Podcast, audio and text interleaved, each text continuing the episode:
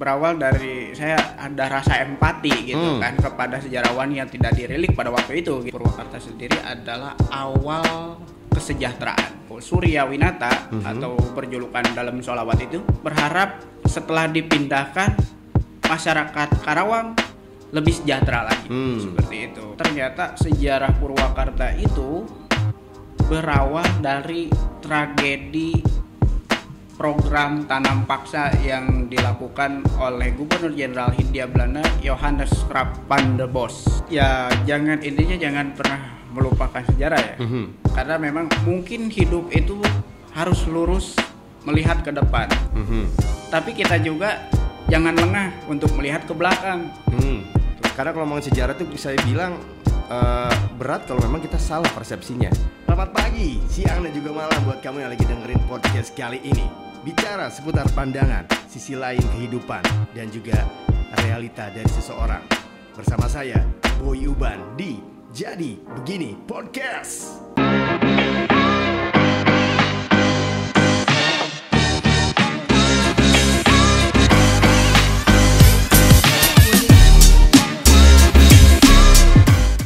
Sebelum lanjut nonton video ini, jangan lupa tekan tombol subscribe, nyalakan lonceng, like, dan share.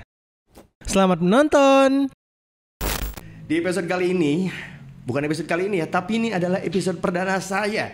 Episode perdana saya hadir di ruangan ini, saya bersama Jadi Begini Podcast akan mencari tahu sosok seseorang, mungkin juga profilnya, sisi kehidupannya. Tapi untuk episode kali ini saya akan bicara seputar dari sejarah. Sejarah di mana lahirnya Purwakarta, asal muasalnya Purwakarta, ataupun bagaimana cerita lengkapnya eh, Purwakarta yang sebenarnya seperti apa. Hari ini saya telah menghadirkan eh, salah satu narasumber yang bisa dibilang eh, beliau adalah seseorang yang benar-benar mencari data, benar-benar mencari fakta karena beliau ingin mencari sejarah yang empiris, bukan sejarah yang mendukung. Selamat datang untuk Kang Naurid ya. Saya panggilnya Kang atau apa nih? Bisa, Kang juga bisa, boleh boleh. Kang lah ya, biar Sunda pisan ya. Sunda pisan. Saya lahir di sini kok. Lahir di sini di ruangan ini. Eh, maksudnya di Purwakarta. di Purwakarta ya. Purwakarta istimewa ya. Purwakarta istimewa. Nah, Kang Naurid Muhammad Rifai Ilyasa, selamat Iya. datang Iya. Kang Naurid. Ya baik, alhamdulillah. Terima kasih saya sudah diundang begitu. Terhormat sekali ya di Betul dong. sini. Dan juga terima kasih sudah menyempatkan waktu ya Iya. dengan kesibukan yang ngajar ya Kang Naurid ya. Betul sekali ya. Kang Naurid ini adalah bisa dibilang beliau adalah wartawan, salah satu wartawan di media nasional ya. Kemudian juga beliau juga memang lulusan dari eh, budaya sejarawan ya. Win Sunan Gunung Jati Win Bandung. Sunan Gunung Jati Bandung ya. Dan yang pasti juga kalau bicara sebetulnya dari sejarah, sebenarnya banyak banget yang harus disampaikan ya. Betul. Karena kalau ngomongin sejarah tuh saya bilang eh, berat kalau memang kita salah persepsinya. Dan berat juga kalau kita salah menilai itu sejarawan atau kan memang kalau bicara sejarah itu banyak sekali orang yang menyebutkan fakta-fakta sejarah apalagi kalau ngomongin Purwakarta ya kota tercinta kita ini nih sejarah Purwakarta itu gini ah nggak gitu tapi gini nah gitu kan Banyak perspektif. Nah, banyak perspektifnya. Nah, di jadi begini podcast, jadi begini ceritanya. Kita akan sedikit membahas seputar dari eh, sejarah Purwakarta nih, Kang Naurid. Karena memang Kang Naurid juga telah melunc- meluncurkan ya, Iya. meluncurkan satu buku yang berjudul adalah Pergolakan Tanam Paksa dan Berdirinya Purwakarta. Wow, tepuk tangan dulu dong. Ini salah satu buku karya dari Kang Naurid Muhammad Rifai Ilyasa. Tapi sebelum ke buku, sebelum saya bicara ke buku nih Kang Naurid, saya ingin bicara seputar dari profil Kang Naurid dulu. Memang eh, asal muasalnya memang tertarik ke dunia sejarah atau memang ada hal yang mendorong ingin tahu sejarah Purwakarta? Seperti apa? Ya, singkat ceritanya sih saya eh, menuntaskan tugas akhir Mhm. kuliah. Oh, skripsi. Ya, skripsi. Oke. Skripsi untuk strata 1 Mhm. waktu itu. Mhm. Nah, hanya saja waktu itu banyak orang yang meneliti tentang sejarah pesantren, sejarah pesantren, sejarah Hmm. pesantren, sejarah bangunan gitu kan. Mhm, Saya mhm. nggak mau seperti itu gitu Mhm, kan. mhm. Banyak sekali kalau misalkan sejarah pesantren ya udah pasti ada kiai, gitu kan Betul. santri dan bangunan pesantren pondok masjid Betul. Ya, seperti itu Itu Nah, kelengkapannya ya. kelengkapannya ya jadi alur ceritanya itu gitu-gitu aja gitu kan nah sementara saya menemukan apa gitu kan saya Hmm. masuk waktu itu ke apa eh, perpustakaan kampus Mhm, Wisudan Gunung Jati Bandung menemukan bahwa ada skripsi tahun 1994 Mhm. waktu itu mungkin saya baru lahir gitu kan Mhm. Hmm.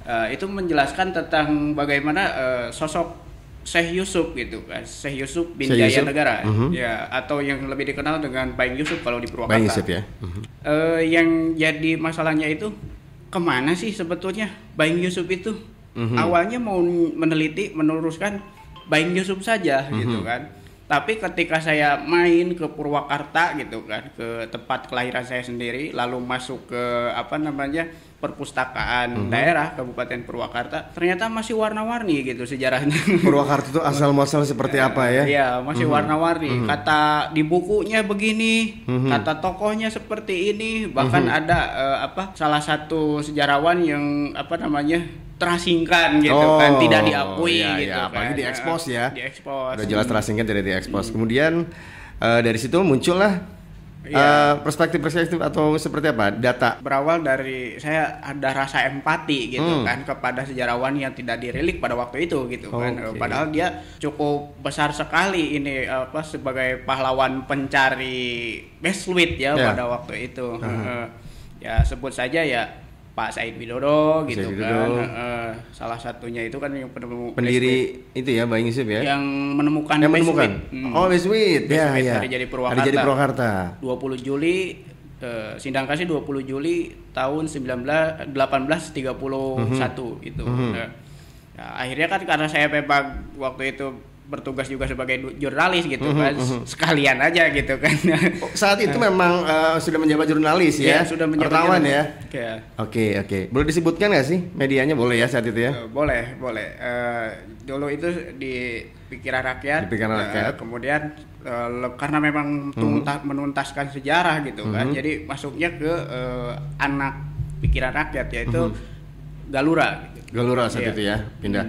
Nah tapi ini memang harus patut dicontoh juga nih buat eh, teman-teman. Artinya juga untuk zaman-zaman sekarang, ya artinya generasi milenial ya, Iya. ini sangat minim, sangat minim. Artinya eh, seputar sejarah Purwakarta, pengetahuannya gitu ya. Iya. Mungkin juga ada yang belum tahu Purwakarta ini artinya apa, ya kan? Kenapa jadi eh, ada eh, Wibawa Karta Raharja. Raharja?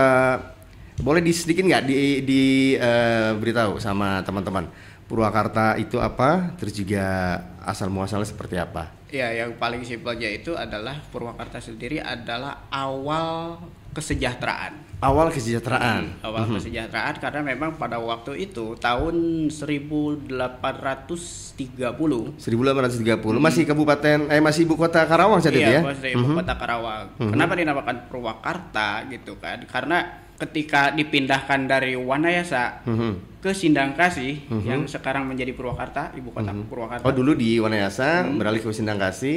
Eh, ya mengharapkan bupati itu atau Surya Winata Mhm. atau berjulukan dalam sholawat itu berharap setelah dipindahkan masyarakat Karawang lebih sejahtera lagi Hmm. seperti itu Mhm, ya mhm.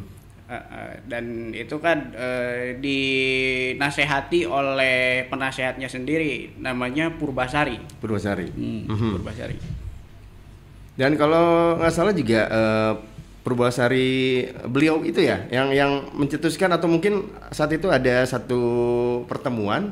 Ini yang saya tahu ya takut salah juga saya ya. Ngomong ada Kang Norit nih.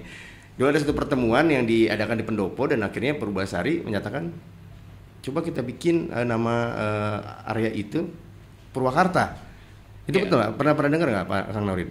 sebetulnya eh, belum ada pendopo pada waktu itu Saat itu belum ada Pendopo ya. belum ada pendopo hanya ada rumah ageng atau orang Sunda bilang bumi ageng Bumi Ageng. bumi ageng itu eh, diperuntukkan untuk bupati Hmm, dalam ya. sholawat gitu kan Mhm, kantornya dalam sholawat gitu Ya, yang sekarang juga jadi kantor bupati ya. enggak Oh, sekarang belum? sudah sudah di bumi hanguskan Oh, gitu bumi kan. hanguskan, sayang betul. sekali itu di bumi hanguskan gitu Betul, kan betul. dan diambil alih oleh pihak swasta Mhm. Tapi betul saat itu ada pertemuan dan Purbasari eh, me- memberikan ide atau ya tentu saja Betul ya? untuk itu kan eh, apa namanya dunia pemerintahan gitu Hmm, kan harus ya. di ini dulu gitu Mhm, kan mhm. dirapatkan gitu Mhm. kan ini namanya apa gitu Ya. kan yang sesuai akhirnya eh, penasehatnya dalam sholawat gitu Mhm. kan eh, yang bernama Purbasari Mhm. menyarankan bagaimana kalau eh, Purwakarta, Purwakarta. saja Eh, yang artinya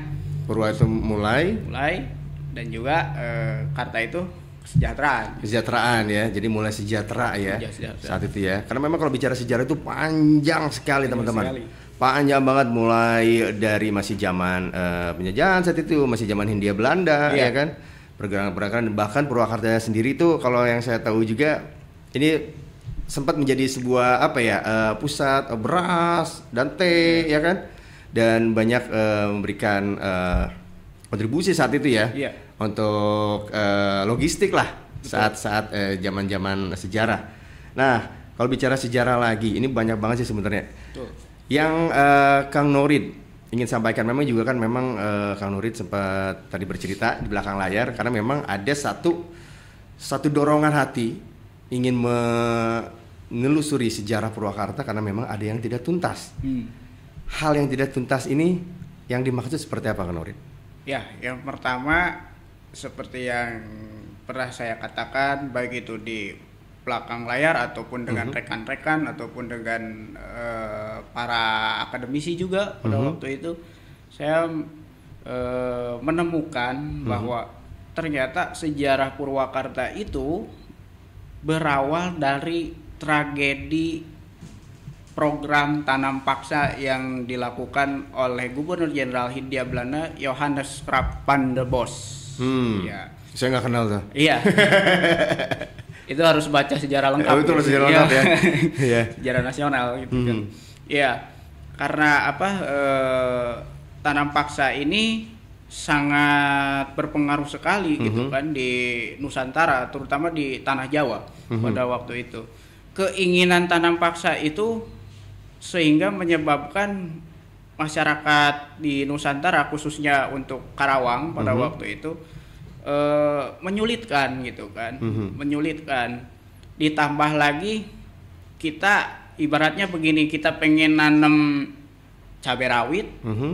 Tapi kata pemerintah jangan cabai rawit, harus kopi. Harus kopi, gitu. gitu harus kopi. Oh, gitu kan. memang dipaksa Nah, gitu ya? Dipaksa gitu Ah. kan. ya. Harus kopi gitu kan, harus kopi, harus nila gitu Mhm, kan, mhm. harus teh gitu Betul. kan. Nah, bahkan yang lebih menyakitkan itu adalah bangsa kita Mhm. waktu itu di apa suka ada dimutasi gitu kan. Hmm. Yang tadinya orang apa namanya orang Sindang kasih Mhm. Eh, suruh jadi petani di Sumatera Oh, Nah, seperti itu ya. sehingga kan jauh dari keluarga ya gitu Betul, kan. betul. Itu memang tujuannya untuk eh, kekayaannya kota tersebut saat itu ya. untuk ini untuk membangkitkan perekonomian Mhm. eh, negara Belanda Oh, negara negara induk Belanda saat itu ya. Iya. Betul betul betul. Tapi memang bagus sih jangan jangan tanam cabai rawit kan. Iya. Harus kopi kan. Ya, akhirnya sekarang nggak ditanam cabai-cabean banyak. iya bingung juga ya. banyak juga ya Itu ada sejarahnya kali ya. Jadi memang saat itu membangkitkan eh, di zaman kolonial ya, ini Belanda saat itu. Nah terus kemudian juga kalau bicara dari eh, yang tadi ada Kang siapa tadi? Wi- Kang Ade Widodo, eh, siapa? Eh, Ahmad Said Widodo Ahmad Said Widodo. Beliau adalah sejarawan. Iya, seperti yang memang kita harus memaklumi karena memang Pak Said itu Mhm. berbeda dengan saya. Kalau saya kan memang empiris pendidikan sejarah, Hmm. sedangkan beliau itu adalah eh, ahli gizi. Ahli gitu gizi. Iya, ahli gizi. Hubungan dengan sejarah Purwakarta ada ya saat itu ya? Mungkin dia cinta dengan sejarah Purwakarta, Mhm. meskipun beliau ahli gizi, Mhm. dia fokus sekali terhadap sejarah Purwakarta. Sejarah Purwakarta. Dan kalau bicara Purwakarta juga Kang Nori bisa sebutkan bahwa banyak tokoh-tokoh yang lahir di Purwakarta ya. Mungkin juga teman-teman yang eh, kaum milenial lah kita sebut ya. Belum tahu. Salah satunya mungkin Ipi, eh, Ipi Gandamana. Oh ya, Ipik Gandamana. Terus Kusuma Atmaja. Atmaja. Betul ya? Ibrahim Singadilaga. Ibrahim Singadilaga juga. Iya, Dia betul. adalah pahlawan juga tokoh ya. Iya, betul. Betul betul. Pernah jadi gubernur juga gitu. Pernah jadi gubernur juga. Terus juga banyak pemain eh, pemain sepak bola ya kan.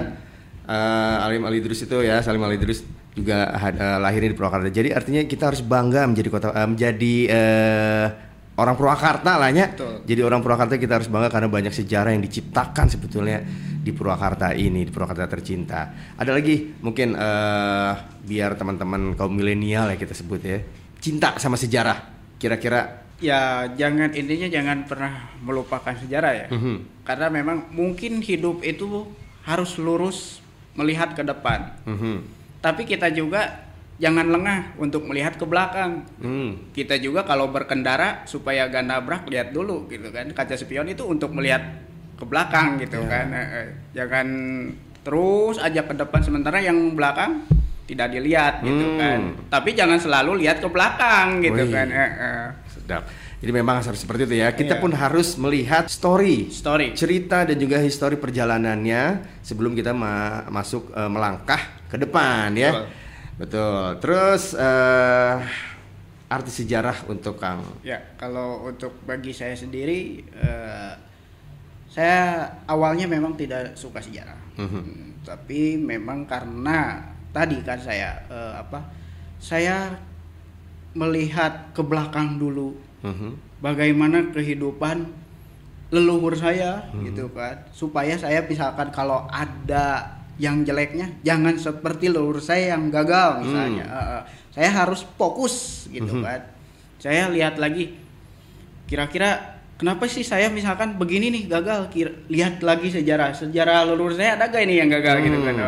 oh, oh, berarti jangan seperti itu gitu Ya, kan ya. Eh, jadi pendidikan itu bukan hanya baca buku Mhm. tapi melihat eh, apa masa lalu kita Mhm. masa lalu orang tua kita gitu kan orang tua kita itu adalah contoh bagi kita Mhm. gitu kalau misalkan orang tua kita berbuat salah jangan mencontoh mereka gitu Kita perbaiki. Kita perbaiki, Ambil gitu. yang bagusnya, Hmm, positifnya ya. ambil yang positifnya yang bagusnya gitu Mhm, Itu arti sejarah Hmm. untuk Kang Naurid ya. Dan bicara kebanggaan apresiasi ini untuk Kang Naurid karena telah menciptakan atau juga menulis ya betul eh, sebuah buku pergolakan tanam paksa dan berdirinya Purwakarta. Nah di sini ditulis juga temanya benang merah historiografi Purwakarta periode Karawang 1830-1832. Betul. Jadi semua ini sudah lengkap ada di buku ini ya. betul Buku ini menjadi sebuah bukti bahwa Kang Nurid cinta sama sejarah. Pengen tahu lebih lengkapnya bisa dibeli di mana nih? ya toko merah ada Toko merah ada. toko hijau ada Toko hijau ada, toko oranye ada toko oranye ada, atau di toko buku toko buku juga, ada iya. ya. Ini sudah lengkap eh, bisa teman-teman dapetin. Buku ini menjadi sebuah bukti bahwa Kang Nurid asli orang Purwakarta, cinta sama Purwakarta karena di buku ini ditulis semuanya ya. ditulis semuanya Semua detail ya. termasuk sejarah Islam juga Sejarah Islam juga di sini karena memang nggak lepas ya. Purwakarta ini tercipta dari ya eh, perjalanan sejarah penyebaran Islam saat itu ya. betul Betul ya. Alhamdulillah benar saya takut salah dong. Baik kalau gitu teman-teman eh, terima kasih nih Kang Nori juga sudah hadir di eh, jadi begini podcast ya. Karena memang kalau bicara sejarah banyak banget, panjang banget ya. Panjang banget yang harus kita eh, telusuri dan kita buktikan fakta-faktanya, data-datanya ya. Dan Kang Nurin ini sudah membuktikan. Beli bukunya ya. Terima kasih sekali lagi Kang Nurin. Mudah-mudahan kita bisa berjumpa lagi. Salam. Ya. Dan buat kamu juga terus pantengin YouTube channel dari Jadi Begini Podcast karena banyak sekali informasi-informasi yang bisa kamu dapetin, edukasi dan juga seluruh fakta-fakta dan juga realita kehidupan ada di sini. Saya Boy Iban, pamit undur diri. Kita ketemu lagi di Jadi Begini Podcast selanjutnya.